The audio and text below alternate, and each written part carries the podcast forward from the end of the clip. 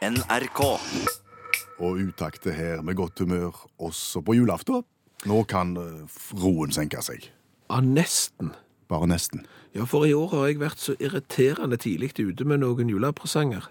Jeg tenker Da er det enda større grunn til at roen kan senke seg. Ja, hvis jeg bare finner de. Problemer med å finne de. Ja, for det er jo sånn. Når du er tidlig ute med å kjøpe enkelte julegaver, så tar du jo de inn i huset. Og da kan du ikke la de ligge hvor som helst i huset til sånn allmenn beskuelse Nei, ja. eh, lenge før jul. Så da må du jo gjemme de. Og når du skal gjemme ting, så må du jo legge det på en plass der det normalt ikke hører hjemme, sånn at folk finner de. En lureplass. Ofte kalt en lureplass, ja. Ja. Og det har jo jeg gjort. Og den plassen er jo så lure at jeg ikke finner den igjen. Oi sann! Ja. Hvor har jeg lagt den? En presang som du skal gi i ettermiddag, i kveld, Ja. finner du ikke. Nei. Nei. Kan vi, kan, ok, vi skal prøve å spole deg inn. Ja. Eh, Størrelsen på presangen. Eh, mindre enn ei skoeske. Eh, Størrelse med en sånn iPhone, ny iPhone 9. Nei, nei, nei større, større enn det. Eh, Kan vi si barbermaskinstørrelse? det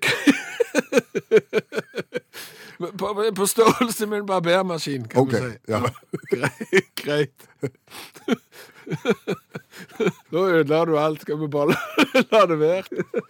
Hvem er det som skal få han? Kan ikke si det. Nei. Nei. For det kan være at svogeren din sitter og hører på radio nå. Å, din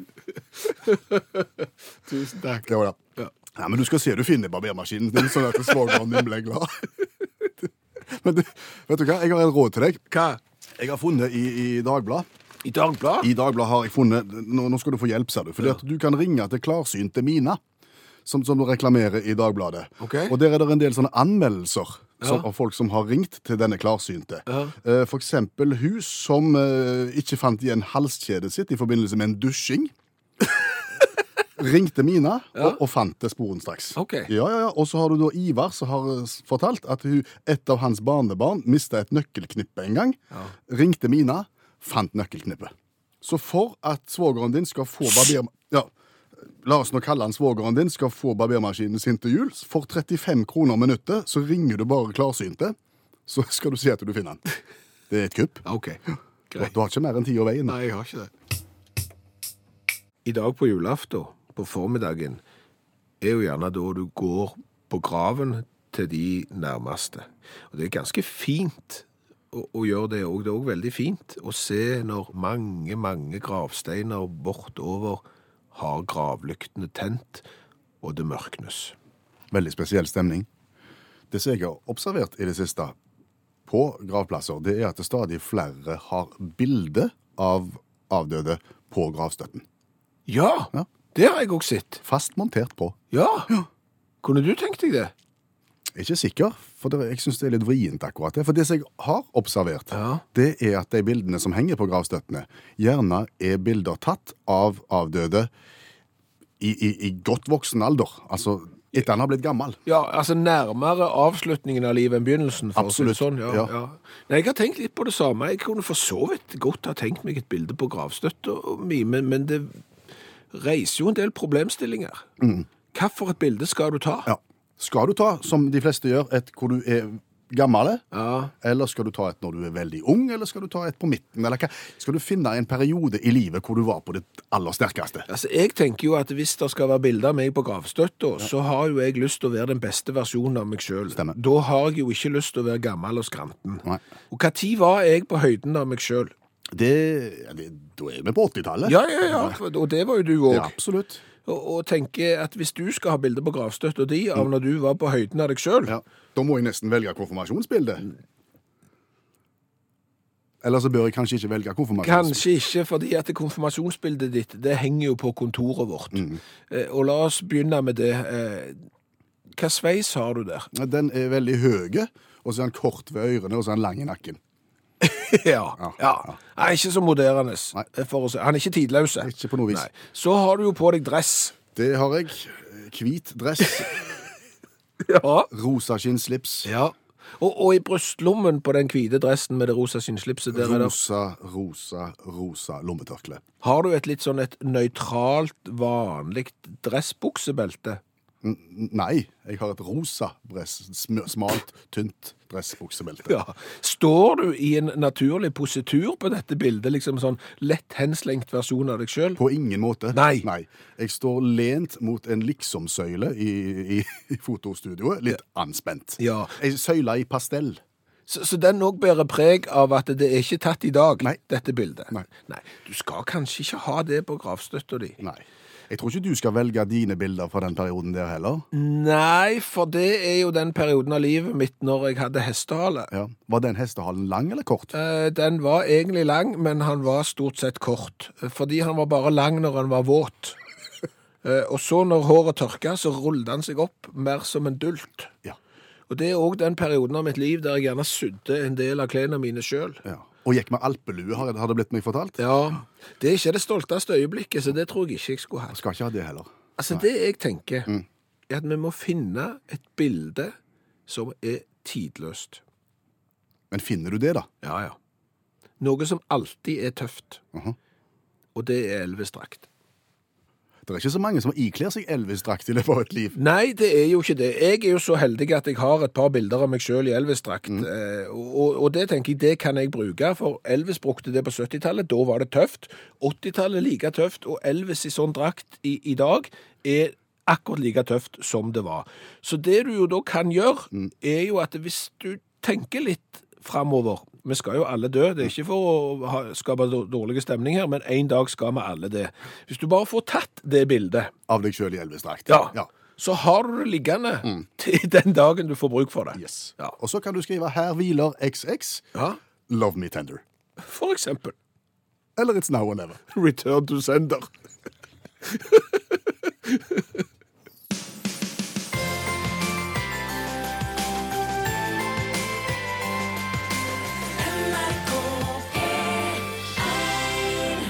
Da vi satt og planla dette julaftensprogrammet, så, så visste vi jo at det kom på en mandag. Og mandag det er jo den dagen når vi lærer oss bøker som vi ikke har lest sjøl, men som vi kan framstå som om vi har lest. Janne Stigen Drangsholt, forfatter og litteraturviter, kommer til oss hver eneste mandag og tar for seg et nytt verk. Og er det ikke kanskje på sin plass da å finne et verk som kler julaften? Det syns jeg. Ja. Fins det, Janne? Ja, det har jeg funnet. Jeg måtte leite litt, men jeg fant det til slutt. Hva fant du? Jeg fant et dukkehjem av Henrik Ibsen. Ja, altså Det er teaterstykker jeg har sett, det er teaterstykker jeg har lest eh, for lenge siden, og det er ikke julaften. Jo, det er akkurat det det er. Altså, det jeg var veldig overraska. Jeg hadde heller ikke kommet på at det var, fant sted under julehøytiden, men det gjør det faktisk. Da skal du bare få begynne. Takk.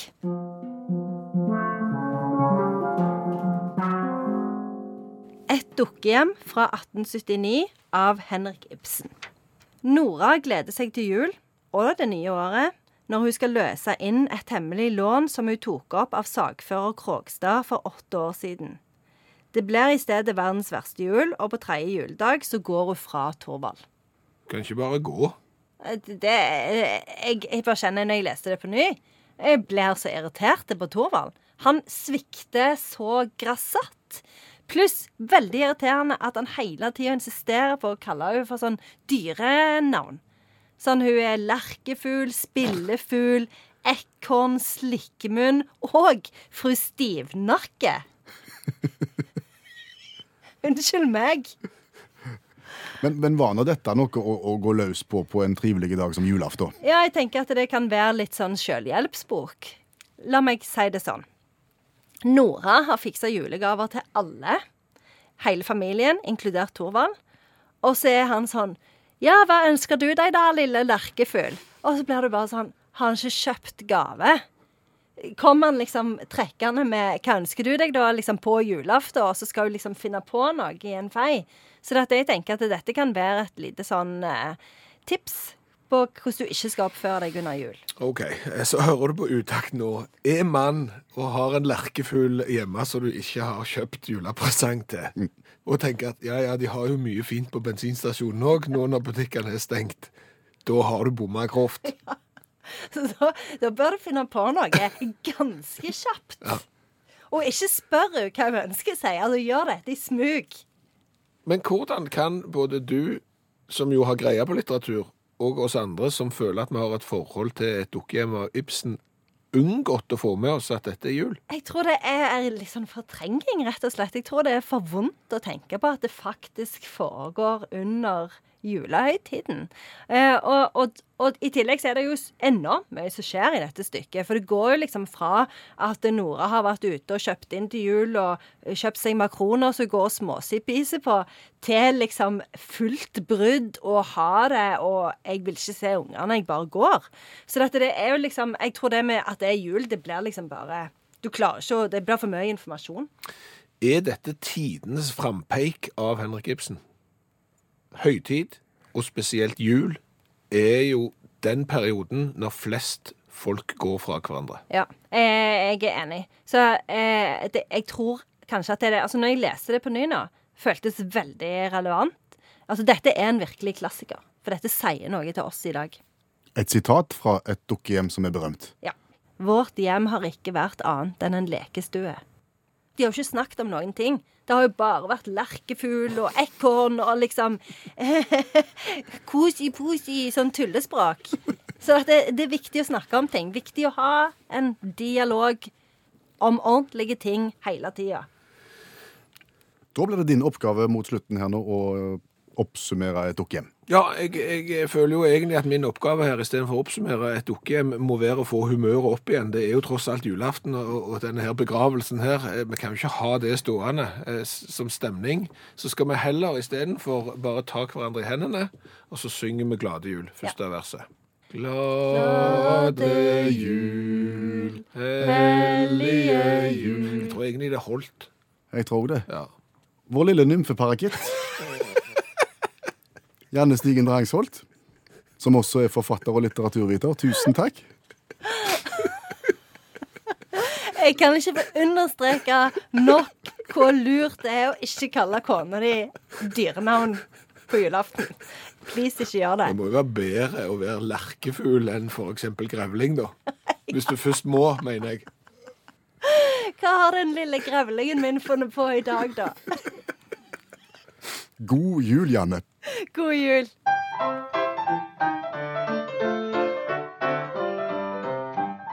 Og det var lyden av dagens revyvise, også på julaften. Ja, dagens revyvise der du finner en litt rar sak fra et eller annet sted i, i, verden, og så oppsummerer du det ved hjelp av en 27 sekund lang sang. Min tur i dag.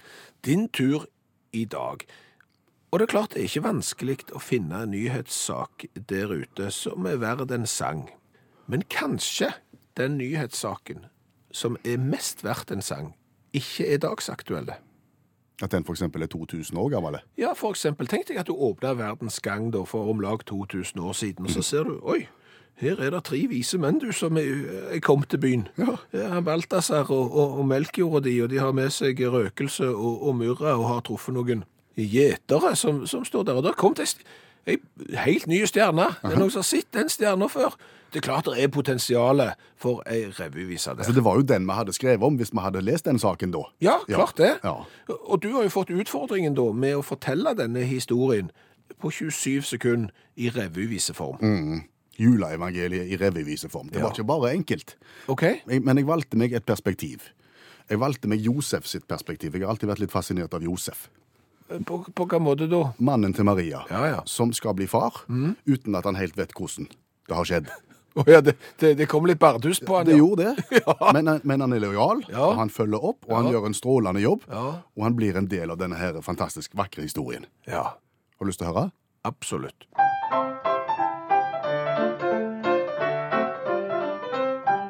Han var litt av en kar, og nå skulle han bli far. Men han klarer ikke helt å skjønne greia. Men han spør ikke når, bare fortsetter å gå imot Betlehem i sammen med Maria. Og etter overbookingsrot og plunder fødes Jesus i en stall, det er et under. Og ved krybben står Josef og smiler lite grann. Gud hjelpe meg at dette her går an. Vet du hva som irriterer meg litt? Nei. Når folk skal legge mandel i enten riskremen eller grøten, så har det blitt ei sånn greie at de legger bare en liten kladeis på hver tallerken, og oppi en av de ligger allerede mandelen. Så det er ingen sjanse for at når du kommer med riskrembollen eller risengrynsgryta i dag, at du kan forsyne deg sjøl og ta og finne mandelen sjøl. For det slår jo bein under mandelkjerneteorien, Ja. som Utakt har kjempa for nå i mange, mange år. Mandelkjerneteorien som forteller hvordan du enklest vinner mandelen. Utvikla av tungt meritterte akademikere i videregående skoler. Ja. Ja. Så skal du ha riskrem i dag, eller risengrynsgrøt, så si til verten at vet du hva? Gryta skal på bordet. Boller skal på bordet. Vi skal forsyne oss sjøl. For da får du nesten garantert mandelen. Bare hør på Oddgeir Sværen, som representerer forskerne som har utvikla Mandelkjerneteorien. Og den går kort og greit ut på Nei, Det sier noe om hvor en kan forvente at mandelen er plassert i en tilfeldig gitt skål. Dette høres lovende ut. Fortell meg.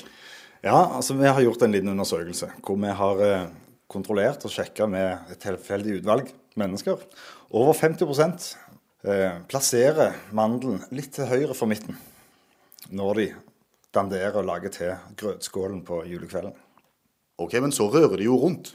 Jo, men da sier teorien det at det, det er nok slik at det, selv om det blir rørt rundt, så vil nok ikke mandelen særlig Det skal ganske mye til for at mandelen treffer, eller at røreredskapen treffer mandelen, slik at vår teori sier da at mandelen ligger nokså i ro. Litt bevegelse, men ikke særlig mye. Har dette noe med beskaffenheten til grøten å gjøre? Ja, altså grøten har en veldig høy viskositet. Den er tung, tett, eh, og mandelen er en lett gjenstand, så den vil jo selvfølgelig da ikke synke til bånn særlig lett, og vil ligge relativt høyt. De fleste verter, vertinner, de vil øse litt grøt oppå mandelen. Så vi regner med da at mandelen er en, kanskje mellom 3 og 5-5,5 cm kanskje fra toppen. Og litt på høyre side av midten, altså. Men da tenker jeg skåla er runde, og hvor er høyre side av skåla? Ja, da er det veldig viktig det du skal gjøre da på julekvelden eller første den grøtserveringsdagen. Du må følge nøye med. for eh, Tenk deg verten står foran skålen, legger den til høyre, rører litt rundt. og Så tar hun selvfølgelig på høyre side av skålen og bærer inn. Så du må se hvor er den høyre siden av skålen når verten kommer inn. Og det blir da til Venstre for meg. riktig. Så du må servere, nei, du må forsyne deg litt til venstre. Det er viktig at du forsyner deg sjøl, og du bør arbeide litt for at du får forsyne deg først. Og det kan være en litt sånn pinlig uheldige situasjoner som oppstår. Skal jeg gå litt over likt og, og, og tving, tvinge meg fram foran småbarn, f.eks.?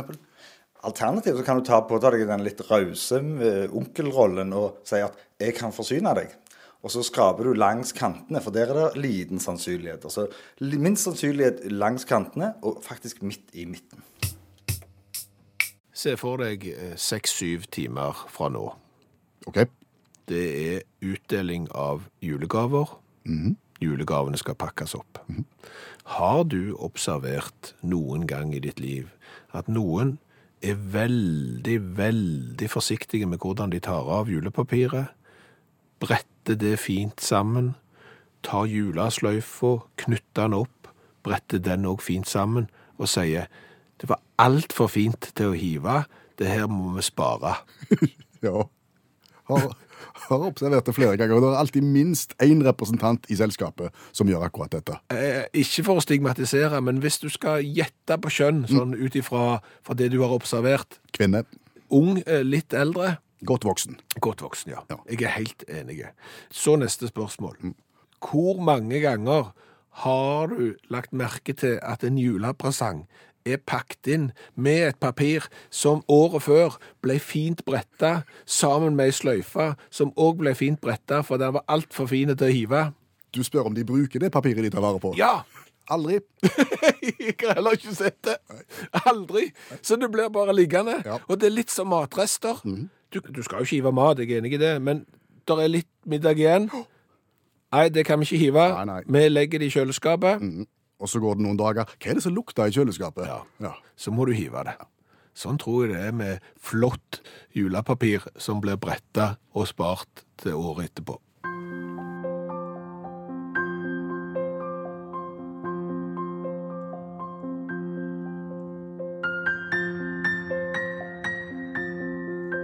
Nå skal vi snart ta juleferie, men vi avslutter med det som har blitt en tradisjon i P1 omtrent på denne tida. Claes Gill som leser historien om De små armene. Skrevet av Andreas Jacobsen, eller Ajax fra Stavanger, som hadde en eventyrlig evne til å skrive enkelt om vanskelige ting. Som De små armene. Det var bare ei uke igjen til julaften.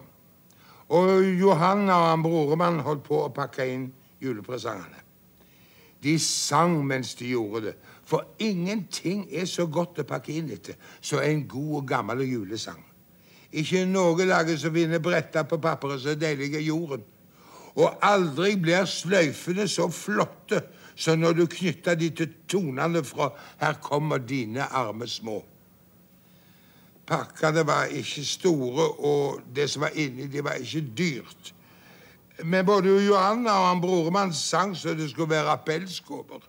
Og mansjettknapper av gull de pakte inn. Plutselig stoppet han broremann og så grunnende på Johanna. Og Johanna, som kjenner blikket, eh, var med en gang klar over at hun kunne forberede seg på å besvare vanskelige spørsmål. Hvorfor er det bare de små armene som kommer i stall å gå? spurte broremann. Johanna, som ikke var riktig med på nodene, klydde seg på leggen, noe som gir svært godt på tenkinga. Bare de små armene, sa hun for å vinne tid. Ja, nettopp de små armene. Han broremann hørtes utålmodig ut. Vi sang jo nettopp 'Her kommer dine arme små'. Johanna klydde seg på leggen igjen, svært lenge denne gangen. Arm betyr fattige, sa hun da kløinga begynte å virke på fantasien. Nå lyger du godt. Han broremann sendte meg et sint blikk. Du lyger så det renner over deg. Arm er arm, og hvis du kan få en arm til å være det samme som fattige, så burde du gi ut en ny lesebok for folkeskolen. Det ble ei svær kløing på leggen igjen. Denne gangen så lenge at han broremann fikk tid til å gå ut på kjøkkenet og finne seg i skjeva. Det var akkurat det pusterommet Johanna trengte. For da han broremann kom inn igjen, var fantasien i full beredskap. Nå skal du komme og sette deg ved sida av meg, sa Johanna, for nå vet jeg hvordan det er. Nå skal du få høre alt om de små armene. En arm er altså ikke det samme som fattige, sa han broremann. Kan skjønne det ikke det. Hun Johanna sto ut med hånda. En arm er en arm, akkurat som en fot er en fot. Og de armene som det står om i julesangen, er armene til noen små unger som jeg skal fortelle deg om nå. Du er vel aldri ute på lyging igjen? Han Brormann sendte et mistenksomt blikk. Hvis jeg lyger nå, sa Johanna, så skal jeg stå på hendene på taket, ytterst ute på taket på det nye hotellet. Jeg tror deg, sa han Brormann og satte seg godt til rettes. For mange hundre år siden, begynner Johanna, hendte det at det kom et lite barn til hver i en stall i en by i Jødeland. Dette barnet var kommet til verden for å hjelpe alle de som hadde det vondt Særlig de som hadde tunge ting å slite på. Du veit å slite på tunge ting røyner på armene, bror Bare prøv å trekke ei håndkjerre eller dra ei rulle. Det er tungt, det. Han brormann var enig og sa ingenting. For at alle de som sleit på tunge ting, skulle bli glade, fortsatte Johanna, kom det noen engler ned på jorda for å fortelle om det lille barnet i stallen, det som var kommet til jorda for å hjelpe. Hvem de møtte, forteller de at nå kunne de slutte å slite på tunge ting. Det var ikke nødvendig lenger. Det lille barnet skulle greie med de tunge tinga. De fleste bare lo av englene, særlig de med store og sterke armer. Et baden, sa de. Hvor skal et baden klare det med baske med? De, de viste englene musklene sine. Kjenn på de, sa de. ja. Det er sånt som må til for å klare tunge ting. Det er noe annet enn et baden i en stall. Englene kjente på musklene. Skrøpelige greier, sa de. «Baden i stallen er sterkere. Da ble de med de store, sterke armene sinte og sa at englene kunne grave seg opp i himmelen igjen. Eller skulle de vise dem hva kraftige muskler kunne brukes til? Føy englene opp i himmelen igjen, spurte han broremann. Kanskje de gjorde ikke det, sa Johanna. Englene er ikke sånn. De blir ikke fornærma fordi om noen breser seg med svære muskler. Istedenfor å fyke opp til himmelen gikk de rundt og vekte alle de små båndene i Jødeland. De hadde tynne og små armer, og sa at nå måtte de kle på seg og gå til Betlehem, for der i en stall var det et lite barn som ville hjelpe dem hvis de hadde tunge ting å slite på. De fleste av båndene ble glade og begynte å kle på seg, for ennå de hadde sovet lenge, så kunne de kjenne hvordan det verket i armene av ting de hadde balt med mens de lekte om dagen. Bare fyll stjerner, sa englene, og vær ikke redde, for vi fyker omkring i nærhet og passer på dere. Lær oss en sang først, sa ungene. Det er lettere å gå når vi synger. Det er langt til Betlehem, og beina våre er like så små som armene. Ja, dere skal få en sang, sa englene og smilte. Syng denne. Her kommer dine arme små, o Jesus i din stall at gå. Opplys enhver i sjel og sinn at finne veien til deg inn. Fant ungene stallen? spurte han brormann. Alle som har små armer, finner stallen, sa Johanna. Det er bare de som er krya av de store musklene sine, som går i totlevase på veien. Hør flere podkaster på nrk.no podkast.